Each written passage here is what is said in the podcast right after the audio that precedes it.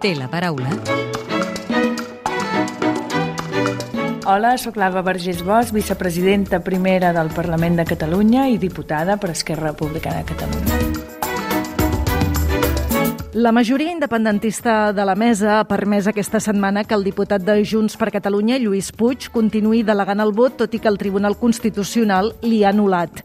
Vostè, com a vicepresidenta primera del Parlament, té por que aquesta decisió li comporti conseqüències eh, jurídiques i pugui acabar sent, per exemple, inhabilitada? L'independentisme en general, però l'independentisme també en aquest Parlament i en la mesa es mostra, evidentment, eh, favorable a la defensa dels drets de tots els diputats. I això inclou el diputat Lluís Puig, eh, que està a l'exili, per defensar els seus drets, però també dels dels electors que l'han votat. I, en conseqüència, nosaltres mantenim que la, la delegació de vot que és vigent avui, no és la que ha anul·lat el Tribunal Constitucional i que per tant ha de poder continuar eh, exercint aquests drets i buscant totes les maneres perquè això sigui possible. Els lletrats del Parlament els han fet algun advertiment als membres de la mesa que podrien incórrer en algun delicte si s'acaba comptabilitzant el seu vot? El Parlament és una casa que sempre doncs, intenta protegir i crec que així ha de ser la institució, la forma de treballar, els funcionaris i en base a això el que diuen és eh, s'ha de mirar bé, sobretot per protegir la feina de, la, de les persones que treballen independentment de les decisions polítiques.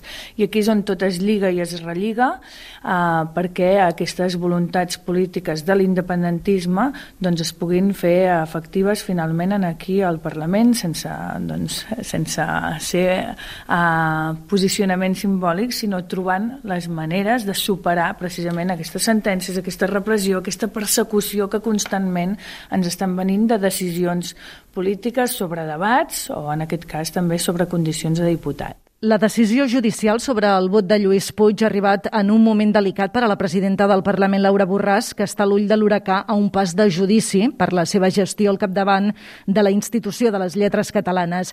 Borràs ha deixat molt clar aquesta mateixa setmana que no pensa dimitir. Esquerra li ha demanat que preservi el prestigi de la institució. Aquesta petició de preservar el prestigi, com s'hauria de concretar?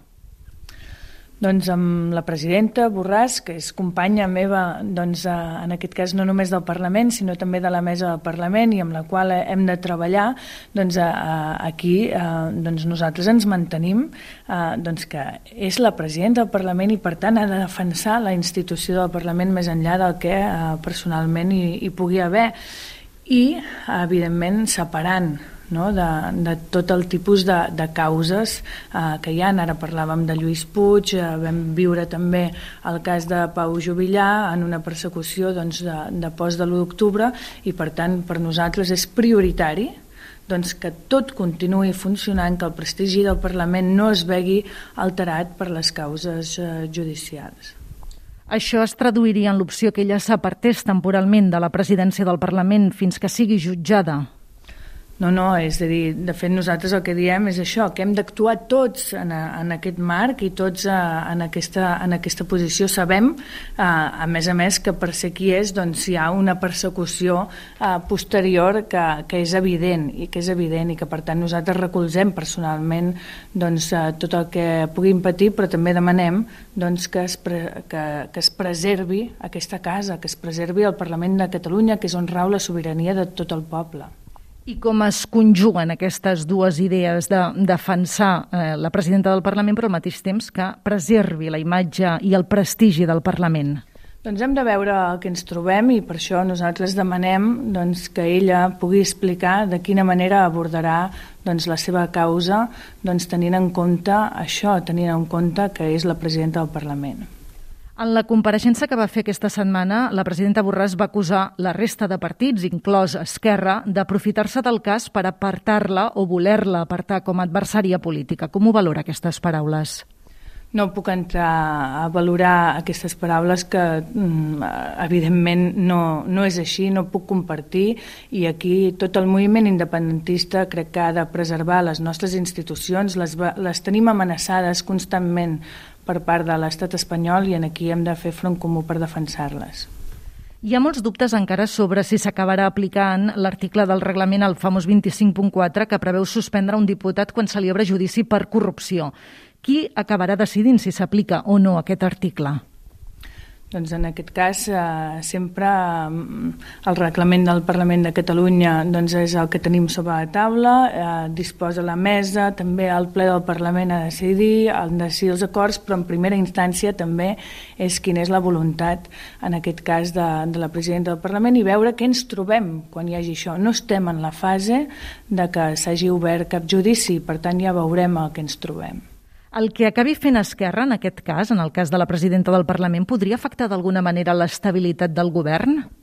No hauria precisament de, doncs, eh, perquè el govern és un govern de coalició, eh, això té les seves avantatges, té les seves dificultats, està sustentat en una majoria parlamentària aquí, per tant eh, creiem que en el país necessitem que les institucions funcionin i en la mateixa línia ho defensem pel Parlament, també ho defensem pel govern de la Generalitat.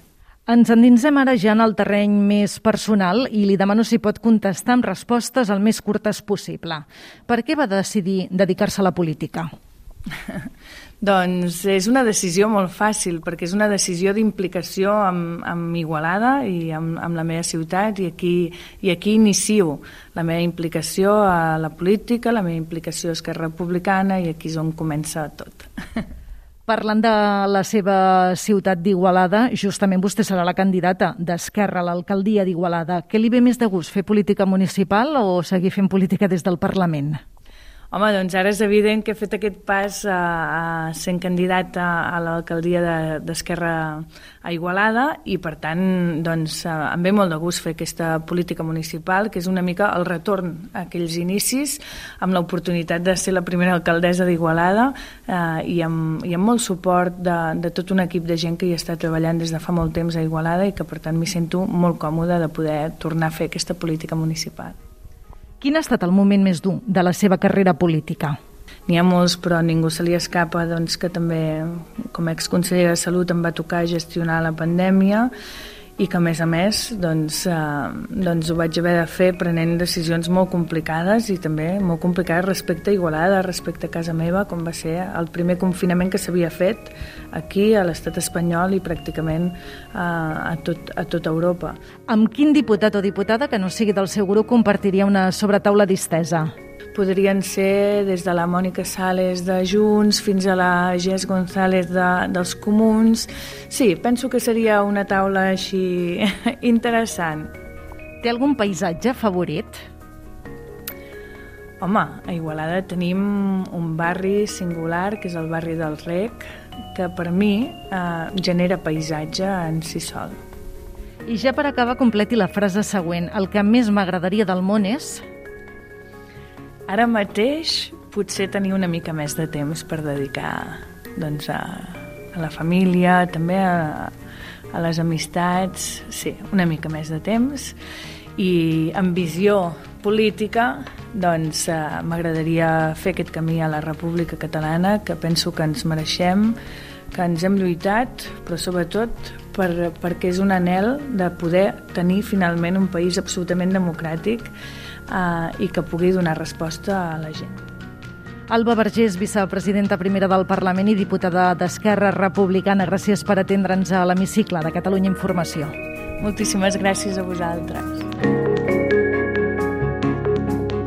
Podeu tornar a escoltar l'hemicicle al web catradio.cat barra hemicicle o al podcast del programa i seguir l'actualitat del Parlament al perfil de Twitter arroba L-hemicicle.